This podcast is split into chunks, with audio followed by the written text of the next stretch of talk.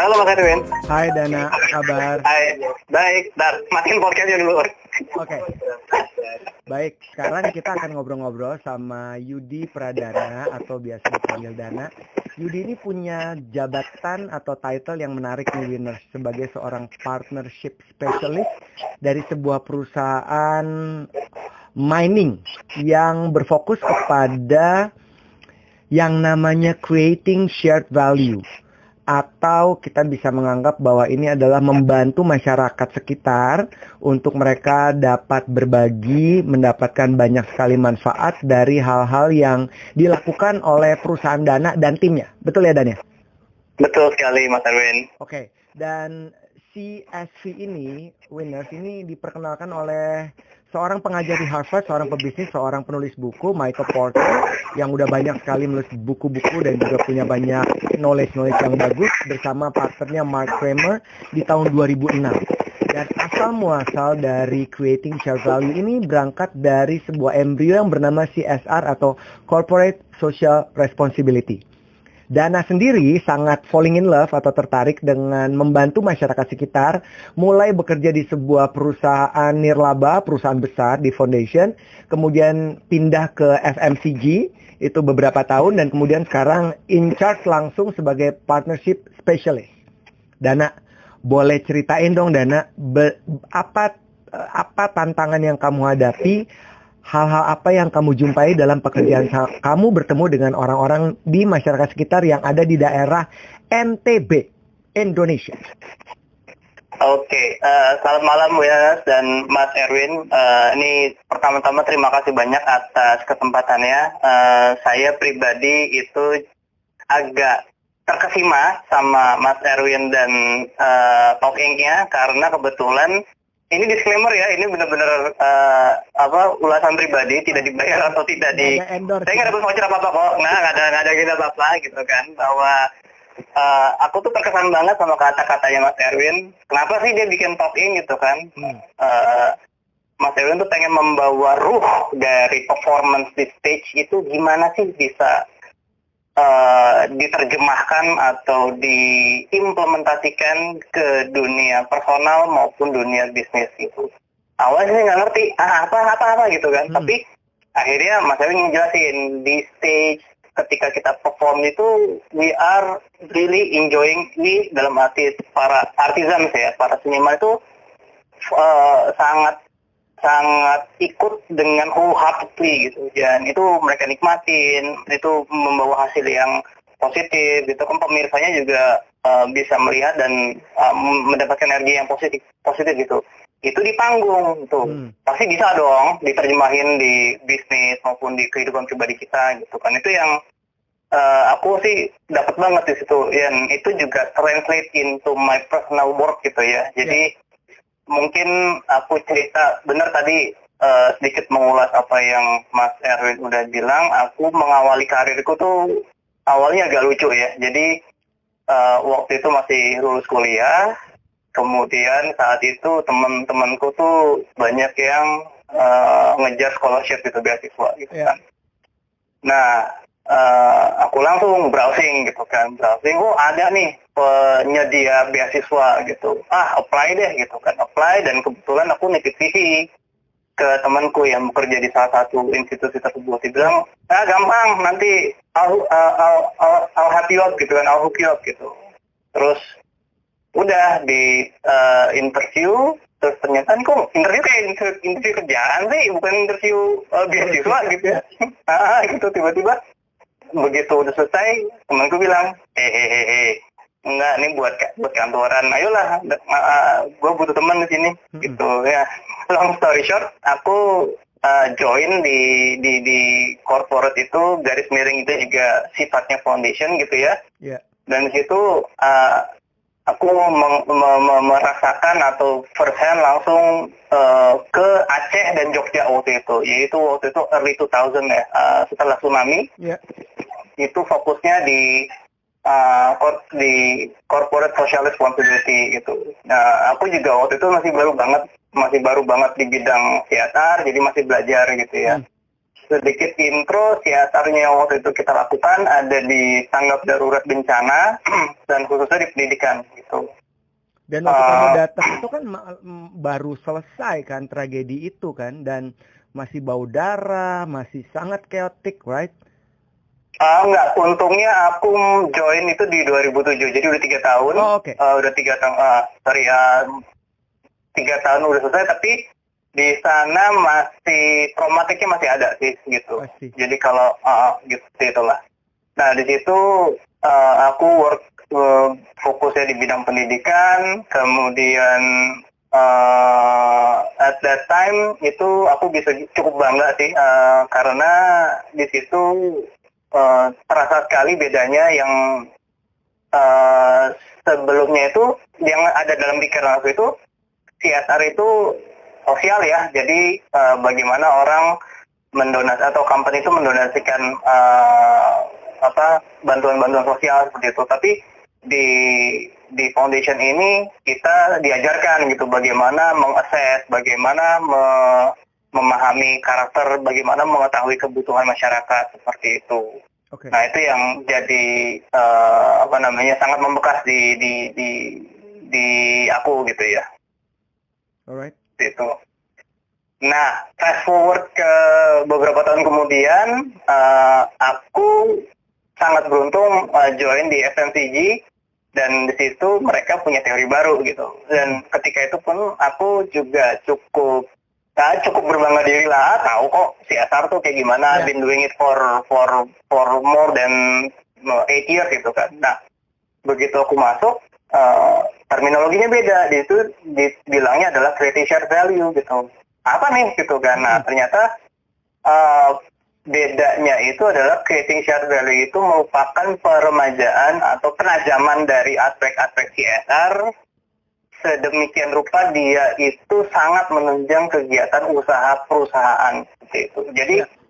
kalau misalnya uh, eh, CSR itu doing good uh, atau mengurangi dampak negatif dari perusahaan terhadap masyarakat maupun lingkungan, nah CSV ini sudah uh, tertanam kuat di setiap lini bisnis uh, perusahaan seperti itu. Misalnya oh kita punya challenge untuk mengurangi uh, kadar karbon gitu ya. Nah, uh, perusahaan CSB itu melihatnya oke, okay, gimana kita tidak hanya mengurangi karbon di operasi kita, tapi juga mengurangi karbon timbulan karbon di masyarakat sambil nanti kita lihat manfaat kesehatannya apa gitu, manfaat keuangannya apa gitu.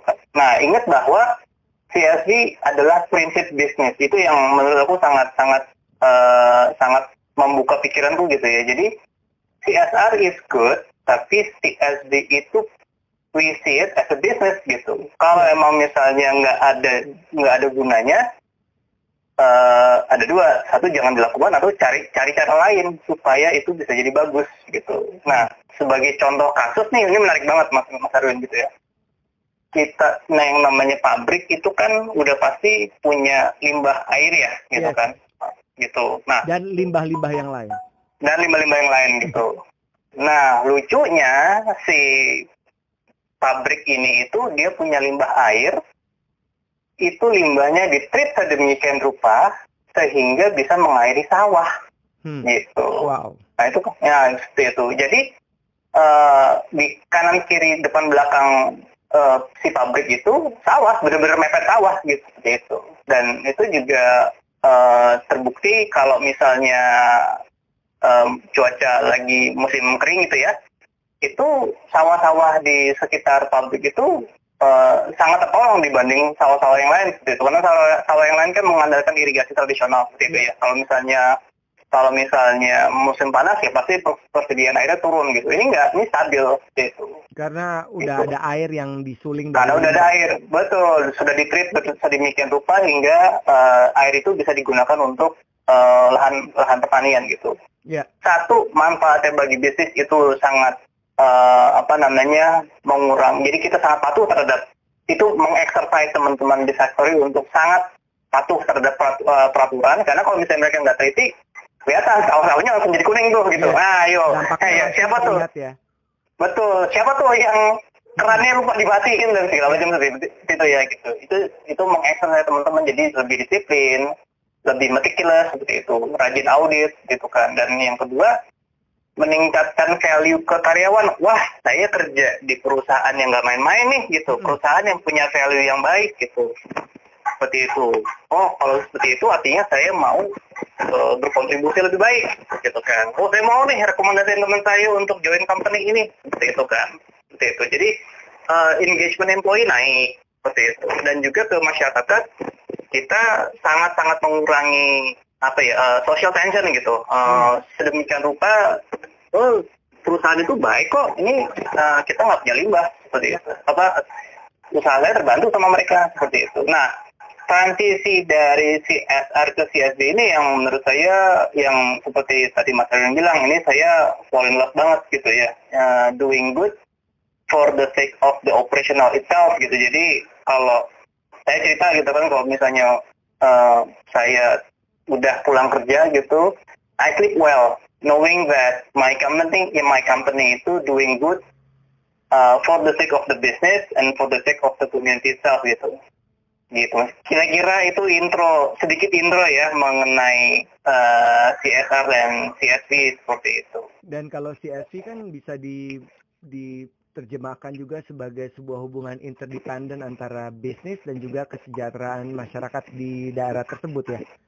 Betul mas. Nah, yang menariknya lagi, thank you untuk uh, ngingetin. Jadi salah satu benefit uh, salah satu keunggulan CSV itu adalah manfaatnya bisa langsung dirasakan. Jadi bukannya masa bukannya uh, interdependensi itu terjadi pada saat yang bersamaan. Misalnya gini, kalau CSR itu, oh oke okay, kita uh, rajin melakukan pengobatan massal gitu ya. Uh, itu nanti manfaatnya bisa terasa, oh nanti kalau misalnya lagi di bombardir segala macam, masyarakat uh, well off gitu. Atau uh, mereka tidak separah seperti biasanya gitu. Atau misalnya lagi lagi ada konflik di masyarakat itu bisa menjadi eh kita udah pernah siasat loh. Oh ya oh ya udah oh, ya udah deh gitu. Ada yang hal-hal tuh uh, untuk level-level ekstrim hal itu yang terjadi gitu. Jadi manfaatnya itu agak agak lagging gitu. Nah tapi kalau yeah. misalnya CSP ya kalau CSP itu almost at the same time. Jadi dengan kita mengurangi limbah masyarakat bisa hidup lebih sehat seperti itu. Atau uh, misalnya di aspek lain misalnya gitu ya uh, di peternakan misalnya atau di pertanian gitu. Uh, CSP itu entails misalnya melakukan pendampingan uh, ke petani tentang bagaimana meningkat mereka teman-teman petani itu meningkatkan hasil panennya seperti itu. Nah itu langsung bisa dihitung ada KPI-nya gitu ya dengan si dengan teman-teman petani itu uh, hasilnya bagus artinya produk dari pabrik nanti juga bagus seperti itu harganya stabil. Jadi nah itu bisa terjadi di at the same time dan bisa diukur secara bisnis itu. So, so, nah itu yang ya, ya.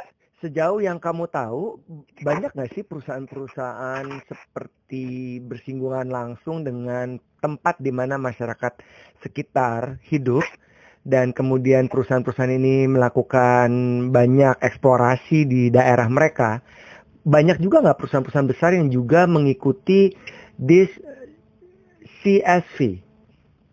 Nah, itu pertanyaan yang luar biasa bagus Mas dan ini juga bisa kalau Mas Erwin kan sukanya call to action ya. Hmm. itu yang Iya, sangat ingat gitu, apalagi dengan podcastnya, sih. nggak, pro, nggak promosi, ya.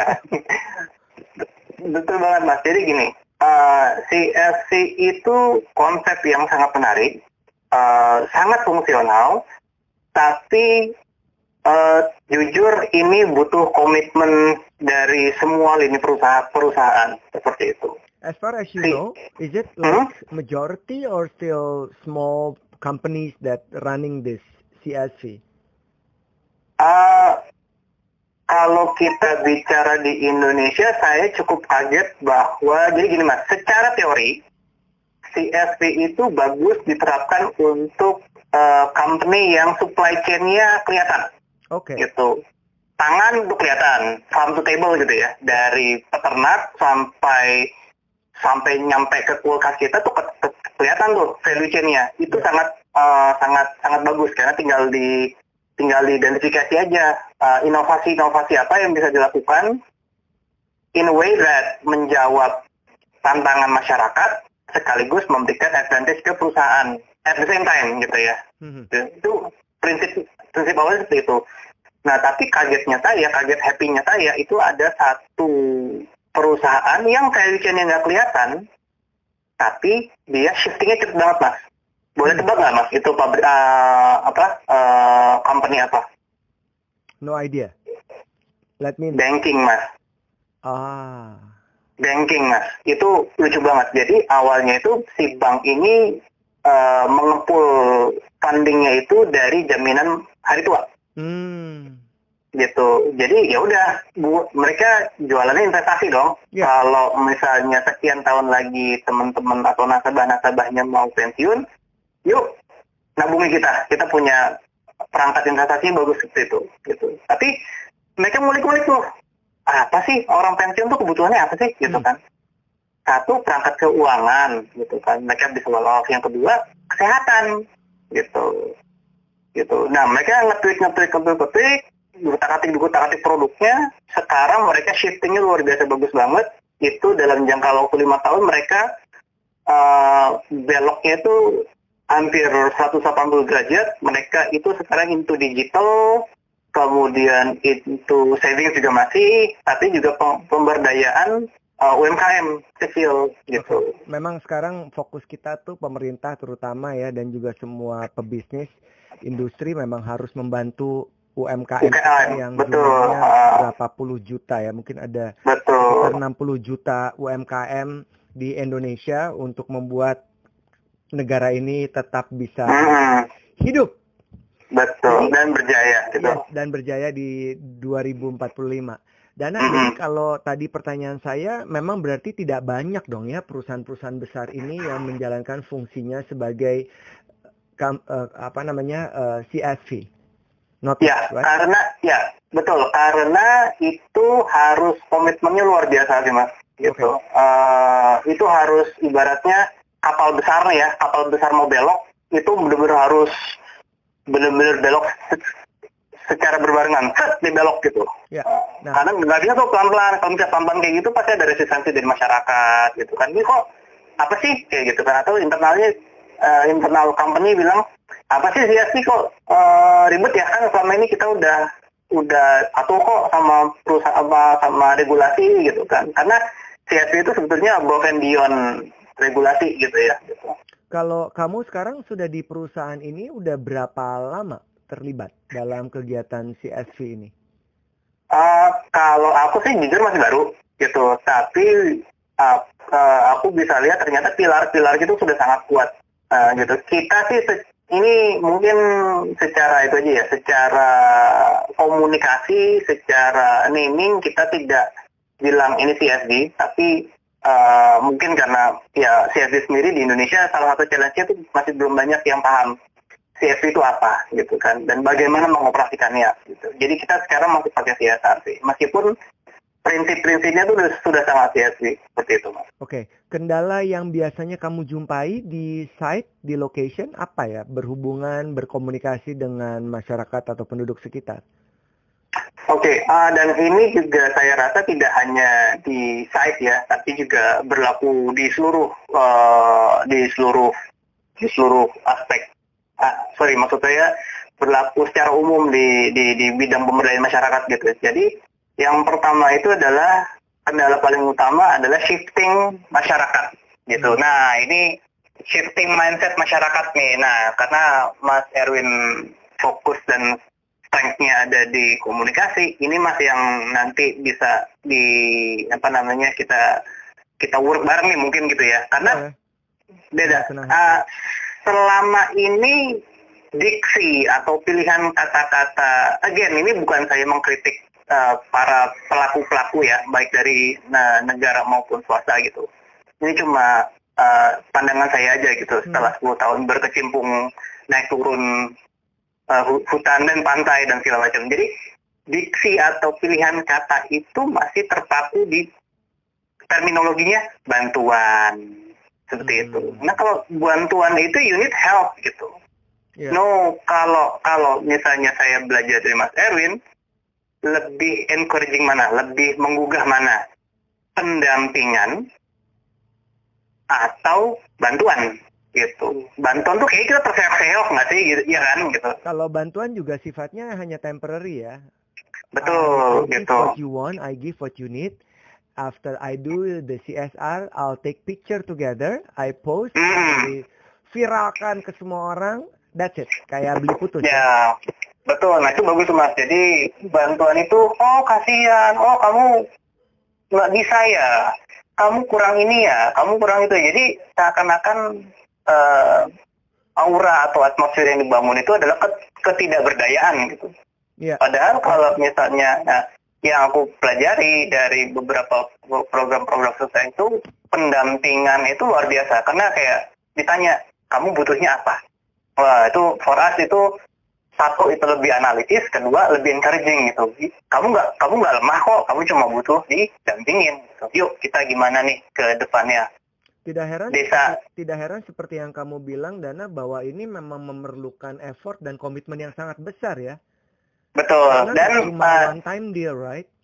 Betul, karena eh, apa salah satu tantangannya itu kan untuk merubah mindset dan secara fisik lingkungan itu kan nggak bisa enam bulan satu tahun nggak bisa Yes. harus tiga tahun gitu Betul. harus tiga tahun empat tahun lebih dari itu jadi pertama itu bagaimana mengajak teman-teman eh, pemberdaya maupun juga teman-teman eh, masyarakat yang sedang butuh pendampingan itu teman-teman itu nggak nggak lemah kok gitu.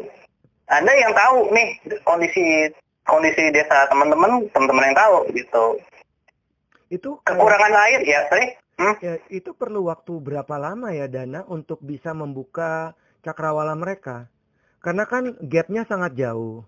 Tadi kamu Betul. juga sudah menyinggung soal diksi literasi mereka yang juga terbatas ya dan kita tahu kita sangat sangat eh, sadar bahwa semakin jauh masyarakat ini tinggal di kepulauan di jauh dari Pulau Jawa tentu semakin susah akses apa pun yang mereka dapatkan dan setiap orang punya isi kepala yang beda-beda Hmm, hmm.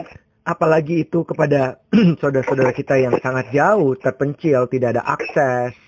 Kemudian jembatan aja ambruk mungkin juga masih lama dibenerinnya gitu. Saya pernah ke sebuah Betul, betul. desa Hmm, jembatannya ambruk udah bertahun-tahun, gila banget gitu. Jadi hmm, hmm. uh, how how how how wh- what is the very effective way in in in doing this personal approach for them to understand okay this is our mindset and that that is your mindset. So we want to elaborate your mindset to become like our mindset. Itu biasanya perlu waktu berapa lama tuh based on your ex- experience? Oke, em, kalau waktu itu sih kita secara normatif ya, eh, itu mungkin ada kedekatan personal dulu, kemudian kita tahu apa sih yang mereka butuhkan, eh, ya itu sedikit masuk ke masuk ke psikologi mas ya. Ya. What is it that they want or they need gitu, kayak gitu kan? Oh kita pengen pendidikan gratis. Eh, well, ya pendidikan gratis is one thing, tapi teman-teman butuhnya pendidikan bagus atau gratis nih gitu gitu kan kalau gratis tapi nggak bagus kan at the end of the day ah pendidikan kayak gitu yang just giving uh, cuma ngasih konteks aja gitu mas jadi harus kita pilih-pilih sih uh, isu utamanya apa dan uh, bagaimana kita deli- kita ngasih opsi opsi yang mereka ternyata cocok gitu jadi tapi kalau misalnya in terms of term- uh, jangka waktu tuh paling cepat paling sukses itu satu tahun satu tahun untuk benar-benar ngedapetin eh apa root cause-nya gitu, Eh, men- ngedapetin oh ini nih eh, isu-isunya dan kita dapetin rekomendasinya itu setahun sih mas assessment gitu ya. Oh, Baru itu- nanti ngerubahnya lagi itu setahun lagi tuh, dua Iya. tahun tuh total. Dan dan pendekatan secara personal yang dilakukan tentu intensif dong ya Dana ya Betul. It- satu it- intensif. itu like what like once a week Oh itu biasanya malah eh, idealnya stay mas. Nah, jadi Ah. kita mendapatkan kita mendapatkan eh, kayak mencium udaranya dan Hmm. merasakan hawanya gitu. Iya, gitu iya, kan. iya. Itu yang kita dan dan karena ya saya orang Jakarta gitu mas ya. Hmm. Saya orang orang Jakarta begitu ke Jawa Timur beda tuh uh, terminologi, kemudian konteks seperti apa seperti apa gitu kan. Jadi uh, butuh waktu untuk benar-benar being local gitu ya. Kalau bahasa antropologinya nyebur lah atau uh, apa namanya menjadi menjadi lokal di situ. Dan satu itu, kedua atau kita bisa memberdayakan teman-teman yang sudah punya uh, apa bisa eh, bisa NGO lokal atau LSM lokal Betul. gitu yang sudah sudah dapat feel-nya nih gitu. Ya, gitu jadi kan. bisa memilih volunteer-volunteer di lokal daerah tersebut yang satu frekuensi sehingga mereka juga bisa meningkatkan penetrasi tujuan-tujuan CSV ini bisa lebih cepat prosesnya ya. Betul sekali dan juga again sesuai dengan namanya kita ajaibnya CSV itu adalah dengan kita ngasih tahu CSV ini mereka nanti bisa jalan sendiri atau kita kasih tahu nih CSV ini bedanya ini sama CSR. Nah ini juga main main ke sustainability mas, main ke exit strategy. Eh, hmm. Eh teman-teman, teman-teman tahu nggak?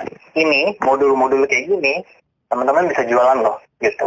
Nanti kan kita nggak akan lama nih, kita assessment let's say dua tahun gitu ya.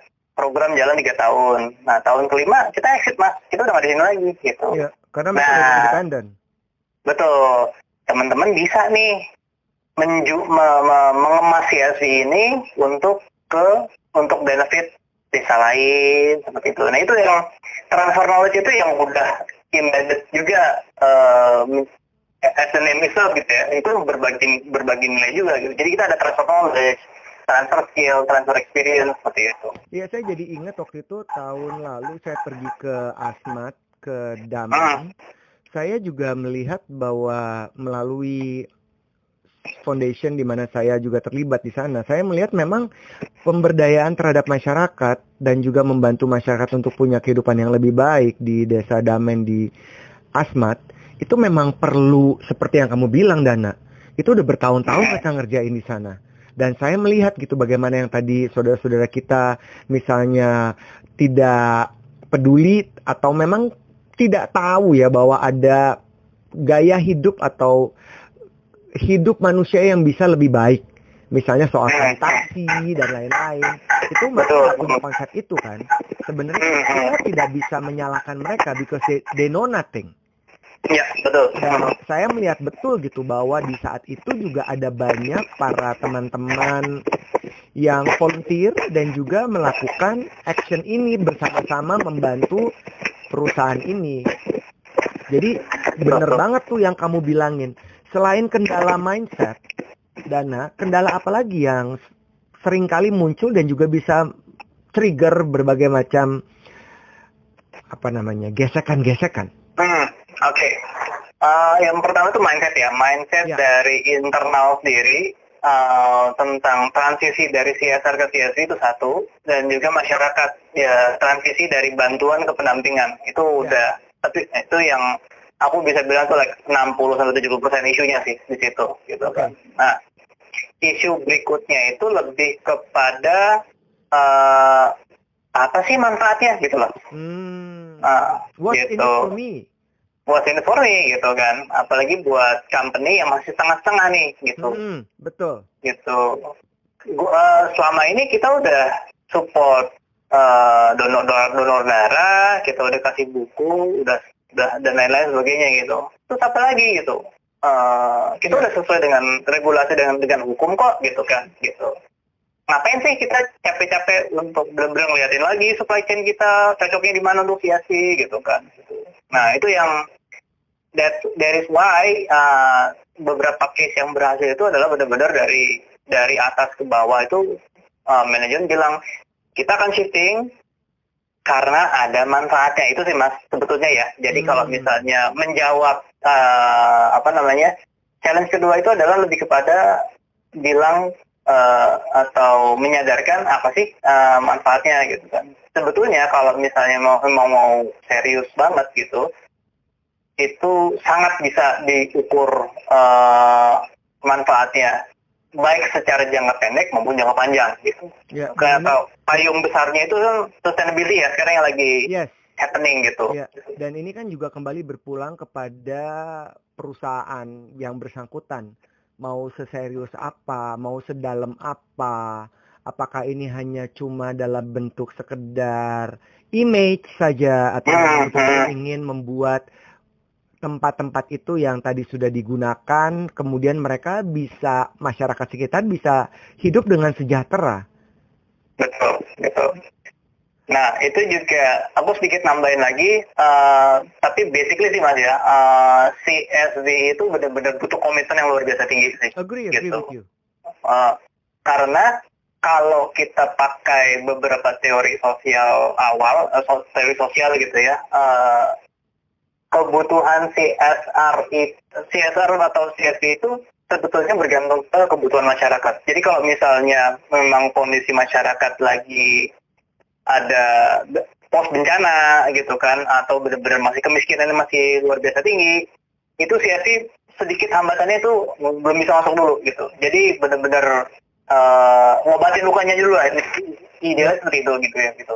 Jadi kalau CSV itu ibaratnya kayak Superman ya gitu, makanan sehat gitu. Hmm. Itu itu bagus, tapi beberapa konteks masyarakat itu mendikte bahwa kalau memang misalnya masyarakatnya butuh bantuannya immediate, immediate dulu gitu. Tapi kalau aku bisa eh, dari pengalamanku sendiri gitu ya, aku juga pernah ada di satu company yang transisi gitu. Jadi aku sangat bersyukur nih yang di awal itu aku di company yang sangat kuat di CSR, ah, Ya. di foundation yang sangat kuat, yang sangat metodologis gitu ya, sangat menjelimet, sangat rinci.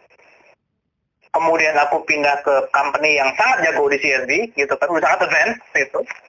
Nah kemudian aku pindah di satu company dulu tuh yang lagi transisi nih gitu, yang dari tradisional banget Hmm. itu pelan-pelan shifting ke, ke gitu Oke. gitu. Nah, tapi ya itu mas, eh, kalau aku sedikit ngasih satu study case itu yang menarik banget. Jadi si perusahaan ini tuh sangat-sangat eh, bangga kalau mereka donor darah tiap tahun, pengobatan gratis tiap tahun, gitu ya, sembako tiap mau hari raya gitu. Dan mereka bilang, udah kok kita udah cukup air bersih kalau kita lagi eh, kekeringan seperti itu. Iya. Dan aku waktu itu aku ditanya, kalian ngapain sih bawa-bawa teori baru? Ini kita udah melakukan ini, masyarakat happy, kita dapat penghargaan, so what gitu loh. Mm-mm. Nah, gitu. Tapi kalau misalnya dari pemetaan kita yang yang, kita lakukan, tangannya jadi di bawah gitu loh mas. Jadi eh tiba-tiba bikin proposal, oh ini masjidnya bocor, tolong dibantu, kayak gitu kan, gitu. Iya. Gitu. Oh ini eh, apa namanya? Eh, jembatannya rusak eh, gitu. Tolong dibantu. Gitu. Itu kan eh, jadi yang tadi Mas Erwin bilang ada interdependensi ini jadi dependent sekali gitu. Iya. Jadi- jadinya jadi jadi jadi jago bikin jago bikin proposal gitu. Kan nah Iya, iya, iya, iya. aku sama tim waktu itu brainstorm akhirnya kita bikin yang gampang dulu deh. Eh, kita start small aja gitu. Jadi eh, tiap tahun itu selalu langganannya donor darah eh, apa namanya pengobatan massal seperti itu nah sembari jadi ada satu event gitu udah tuh berbondong-bondong puluhan bahkan ratusan masyarakat itu eh, ngantri untuk pengobatan gratis gitu ya Mhm. Nah, sembari pengobatan gratis, kita masuk. Yuk, kita pola makan sehat. Seperti itu dulu. Pola makan sehat. Kemudian bikin apotek hidup. Seperti itu. Dengan dengan harapan, eh yaudah, kita punya target, turunin deh. Tahun depan itu kita turunin eh, pengobatan masalnya gitu ya. Eh, dengan harapan mereka jadi lebih sehat aja gitu. Dan ternyata itu berhasil.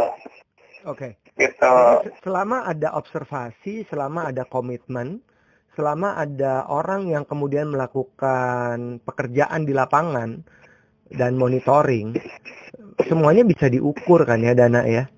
Betul, harus bisa diukur karena eh, Ya, go ahead. karena karena ingat bahwa CSV itu adalah eh, itu adalah prinsip bisnis, gitu. Mm-mm. Yang approach bisnis gitu. Ya. Yang membantu kesejahteraan sosial. Kalau Hmm. kalau saya mau nanya berapa lama paling lama kamu ada di remote area tersebut dan melakukan approach kepada masyarakat sekitar? Paling lama berapa lama dan? Oh, sebetulnya ya bisa mas ya eh, paling tergantung ya itu jawaban paling eh, paling generalnya adalah tergantung gitu. Mungkin kalau di konteks Pulau Jawa bisa lebih cepat ya karena uh, uh, ya gitu. Karena mungkin uh, apa secara budaya saya lebih ngerti Ya. gitu kan. Pendekatan lebih ada gitu. Uh, tapi kalau misalnya di remote area itu katakanlah Indonesia Timur Indonesia Tengah Indonesia Tengah itu saya bisa confident untuk assessment untuk mapping untuk benar-benar pendekatan itu setahun tahun sih paling paling paling paling sebentar gitu. Karena banyak banget dimensi-dimensi dimensi-dimensi yang kita kupas kan gitu Iya, betul. Itu itu kan menarik ya melihat isi kepala orang, melihat bagaimana mereka berinteraksi dengan kita dan juga melihat sebuah tantangan yang ingin kita lakukan untuk membantu mereka lebih baik gitu. Kamu sempat sih di lokasi-lokasi itu dan Oh pasti mas. Eh, Awal-awal itu frustasi karena eh, mungkin pertamanya itu melihat hmm, apa apa yang kita harapkan itu nggak kejadian gitu. Hmm, PR kebanyakan. Hmm gitu. Hmm. Eh, atau kedua adalah bingung.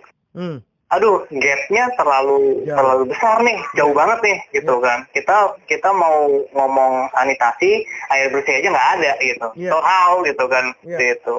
Saya saya jadi Gitu. ingat ya waktu itu saya pernah dijemput oleh salah satu uh, tim yang juga menemani saya ke daerah NTT.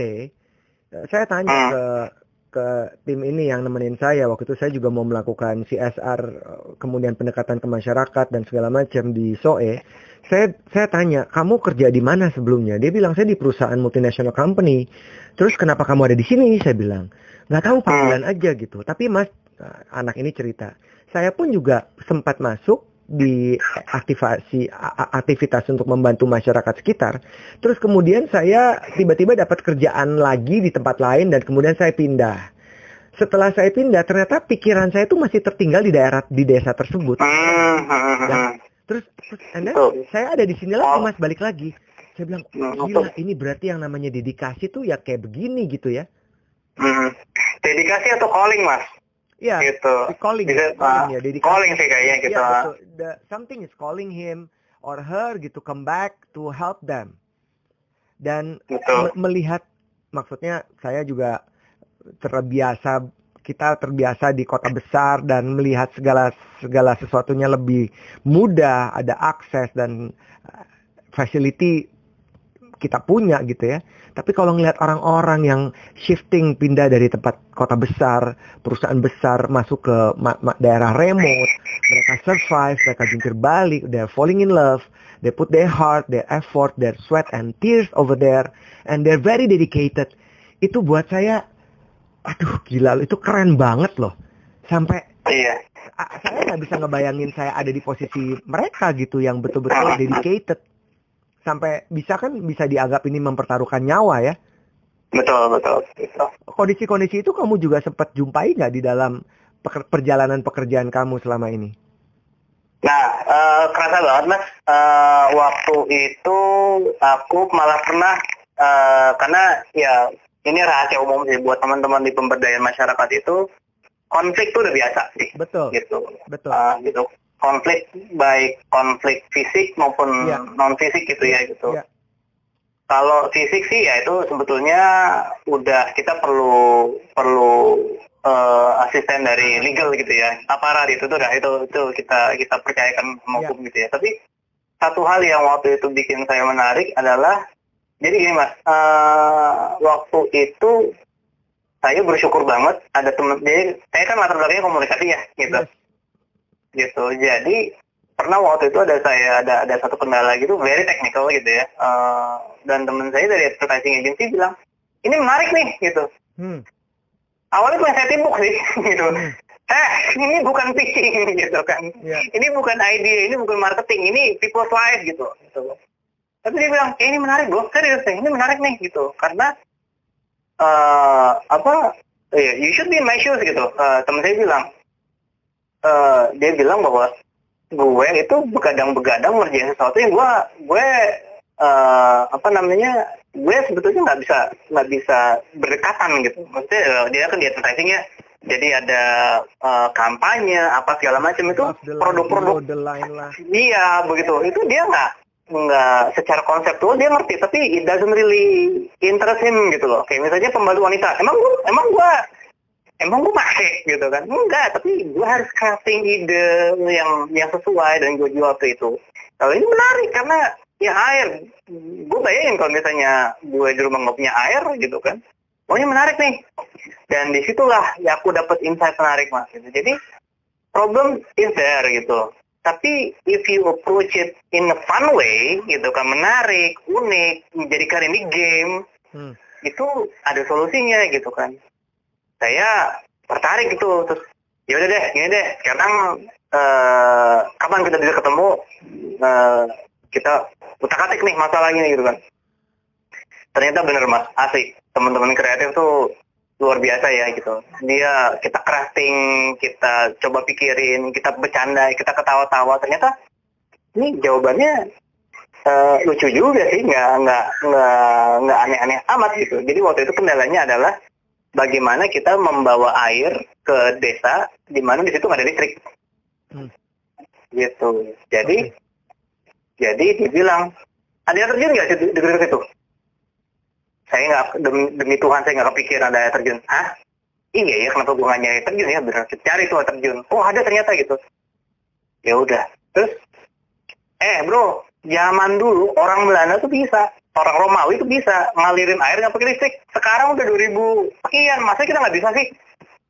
Oh bener juga tuh. Oh udah browsing gitu kan. Oh ternyata ada. Gimana nyal menyalurkan air tanpa listrik gitu? Ternyata ada mas gitu. Wah itu yang kita kita brainstorm gitu kan. Kita kita Google kita Wikipedia.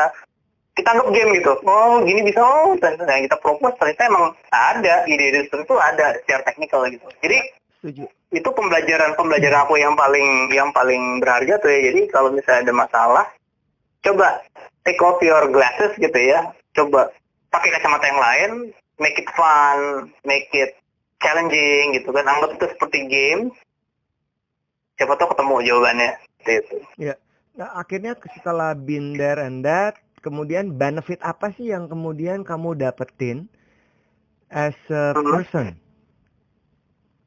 Oke, okay, um, wah ini pertanyaan dalam banget nih. Uh, Jadi satu jam sendiri nih, coba. This would be my last uh, question to you, Dana. Oke, okay. um, jadi kebetulan dua tahun terakhir ini itu uh, aku cukup beruntung lagi banyak banyak belajar terminologi sustainability gitu ya atau keberlangsungan gitu. Oke. Okay. Nah uh, dan awalnya itu ketika aku belajar ini uh, orang kantorku bilang, uh, aku bilang, oh sustainability aku mau dong belajar, uh, aku punya background di CSR sama CSV. Dia bilang, nggak ada relasinya tapi you welcome to, to learn gitu. Saya bilang ah masa sih? Gitu. Iya karena sustainability kita akan bilang kita akan bilang kita akan uh, belajar pang, uh, ITO gitu kan. Kita akan belajar uh, sustainability rating gitu kita akan belajar waste climate change itu nggak ada hubungannya sama si sama si aduh gitu kan tapi ya udahlah belajar aja karena sustainability itu menarik gitu nah ada konsultan bilang sustainability itu is the next big thing di di di bisnis gitu ya. Betul. So, saya, rasa sustainability itu akan ter, terpakai di semua aspek kehidupan, apalagi saat COVID saat ini terjadi ya. Hmm, betul. Karena kita mau in, interdependent, kita mau kita mau independen, kita mau kalau bisa sustain, nggak perlu barang-barang dari luar negeri masuk ke Indonesia ya. We we consume, we eat, we live everything based from this country. Hmm, hmm, betul berdikari lah kalau betul. bahasa bahasa itunya uh, ngomongin 17 Agustus gitu ya berdikari merdeka gitu. Oke, okay, jadi aku tuh uh, lagi dua dua tiga tahun terakhir ini lagi banyak belajar tentang sustainability gitu ya. Jadi hmm.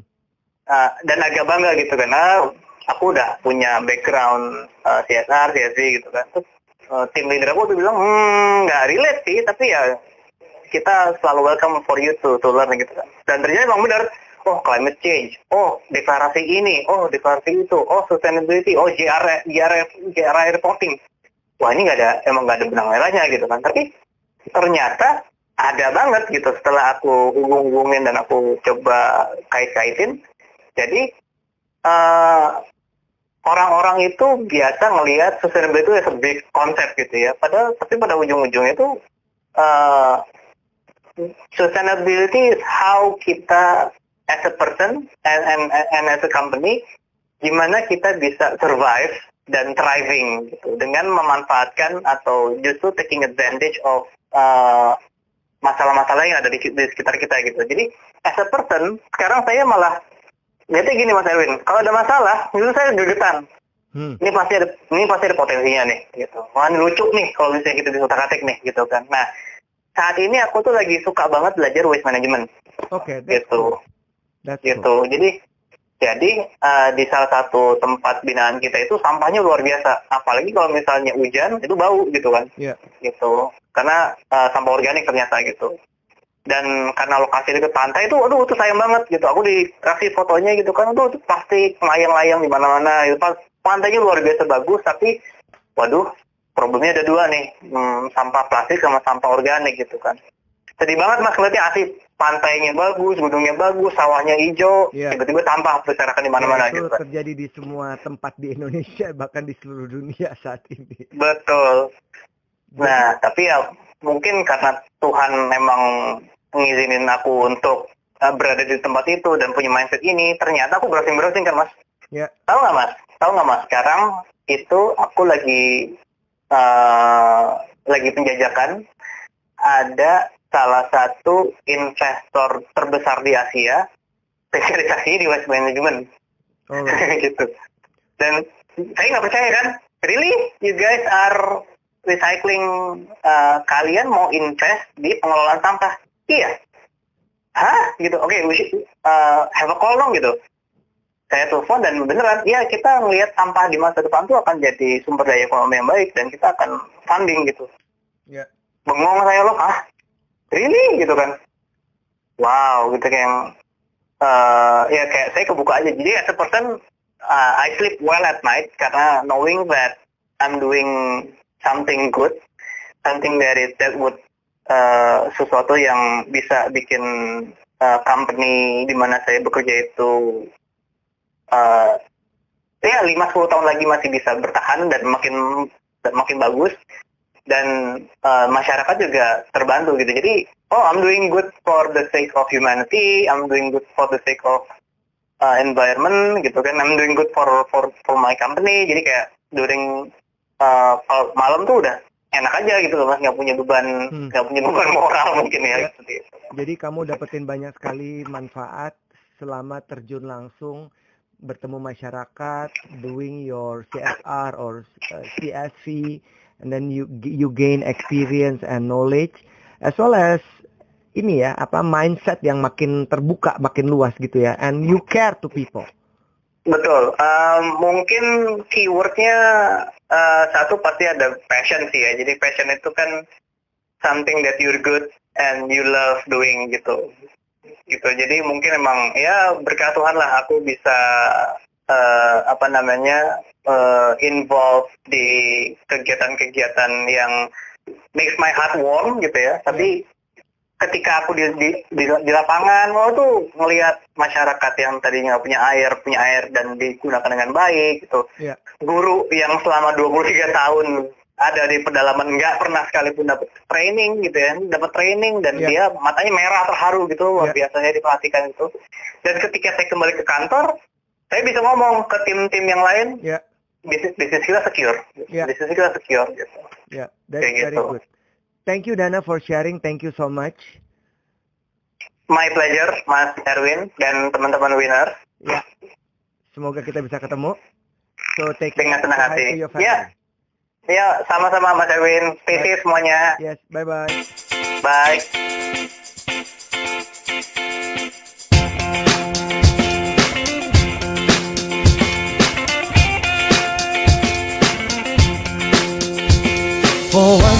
in my life I have someone who needs me Someone I've needed so long.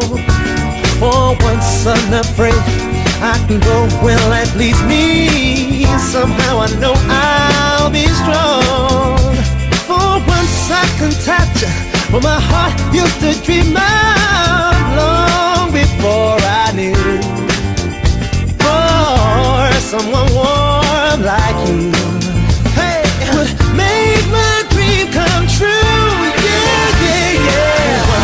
my life. I won't let sorrow hurt me, not like it's hurt me before.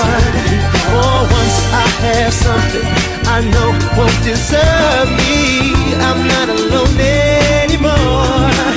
For once I can say, this is mine,